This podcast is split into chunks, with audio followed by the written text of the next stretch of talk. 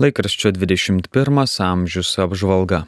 Naujausiame 21 amžiaus numeryje Birutė Neninienė praneša, kad spalio 11-osios vidudienį šventųjų mišių aukoje Marijampolės Šventojo Arkangelo Mykolo bazilikoje prisimintas vyskupas Juozas Žemaitis, buvęs Vilkaviškio viskupijos ganytoje sulaukęs 95 metų amžiaus, praėjusiųjų metų spalio 5 dieną iškeliavęs pas viešpatį. Šventosioms mišioms vadovavo kardinolas Sigitas Tamkevičius, homiliją sakęs vyskupas Arūnas Poniškaitis prieš 30 metų toje pačioje bazilikoje vyskupo Žemaičio pašvestas kunigystiai teigia, kad vėlionio vyskupo pavyzdys rodo, kaip nereikia save sureikšminti, bet su pasitikėjimu Dievu daryti nuo širdžiai tai, ką sugebė. Vyskupas visur dirbo kaip uolus viešpaties vynogino darbininkas, vikaras, klebonas, dekanas, Vyskupas. Pamokslininkas akcentavo, kad per vyskupą žemaitį gavęs šventimus per jį iš viešpatės gavo ir kunigystės dovano supratimą. Kunigystė vyskupo žemaičio tarnystėje visada buvo svarbiausia. Jau tapęs emeritu, net po įvairių išvykų atlaidų ar renginių jis neidavo ilsėtis, o skubėdavo į baziliką klausyti iš pažinčių, aukoti mišių. Ne dėl to, kad nebuvo kam pakeisti, bet jam buvo svarbu, kaip kunigui tarnauti žmonėms nes brangino savo kaip kunigo misiją - išklausyti žmogų ir Dievo vardu suteikti nuodėmių atleidimą. Ant kapinį paminklą bazilikos šventoriuje vyskupui Juozų Žemaičiui pašventino Kaišėdurių vyskupas emeritas Juozas Matulaitis. Kiekviename laikraščio numeryje ateinančio sekmadienio Evangeliją apžvelgiantis kunigas Vitenis Vaškelis savo apmąstymus pavadino Malda - sielos kvepavimas. Kunigas rašo. Kasdien, kai tik pabundame, iki tol, kol vėl užmiegame, mes turime prisiminti, kad Dievas yra su mumis ir kad Jis aktyviai veikia mūsų mintise bei veiksmuose.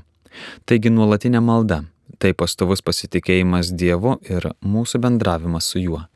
Kai tik mūsų mintys nukrypsta į nerimą, baimę, nusivylimą ar pyktį, turime būdėti ir pastebėję juos savo nuotaikų kaitoje bei elgesyje, Kvieskime pagalbon šventąją dvasę, įdant vėl galėtume susigražinti ramybę ir dėmesingą proto budrumą. 21 amžius spausdina kelias ištraukas iš 1972 ir vėlesnių metų Lietuvos katalikų bažnyčios kronikos, kur rašoma, kaip sovietų okupacijos metais milicininkai ir saugumiečiai persekiojo ir trukdė maldininkams vykti į atlaidus Šilovoje, įvairiais būdais baudė į juos vykstančius. Laikraštyje spausdinamas Sinodinio kelio Lietuvoje išvalgo apibendrinimas. 21 amžius spausdina keletą tekstų apie tai, kad Seimas ketina priimti civilinės sąjungos įstatymą, kodėl jo projektas nepriimtinas, pareiškimą paskelbė ir arkivyskupas Kestutis Kievalas.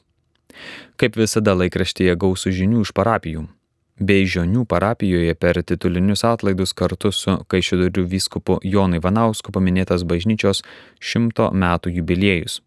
Lankeliškių parapiečiai per Šventojo Pranciškaus Asižiečio atlaidus prisiminė 1941, kai iš jų klebonijos sovietiniai enkavadistai išsivarė ir nukankino tris kunigus. Birutė Nenenienė ir Lina Poškevičiūtė rašo, kad šiais suduvos metais Kudirkos naumiestyje ir Sudargė paminėti Melno sutarties 600-asias metinės atidengti ir pašventinti paminklai. Kudirkos naumiestyje paminklą pašventino Šakių dekanas ir vietos klebonas kanauninkas Donatas Jesulaitis, o Sudargė Vilkaviškio viskupijos generalvikaras monsenjoras Gintautas Kuliešius. Melno sutartimi nustatytos sienos riba nuo Vištyčio ežero pro Kibartus, Kudirkos naumiestį, Slavikus iki Nemuno upės ties Sudargo. Ji nepakitusi nuo 1422 metų ir tai yra unikalus atvejis visos Europos istorijoje. 21 amžius dažnai spausdina ir kultūrinės informacijos.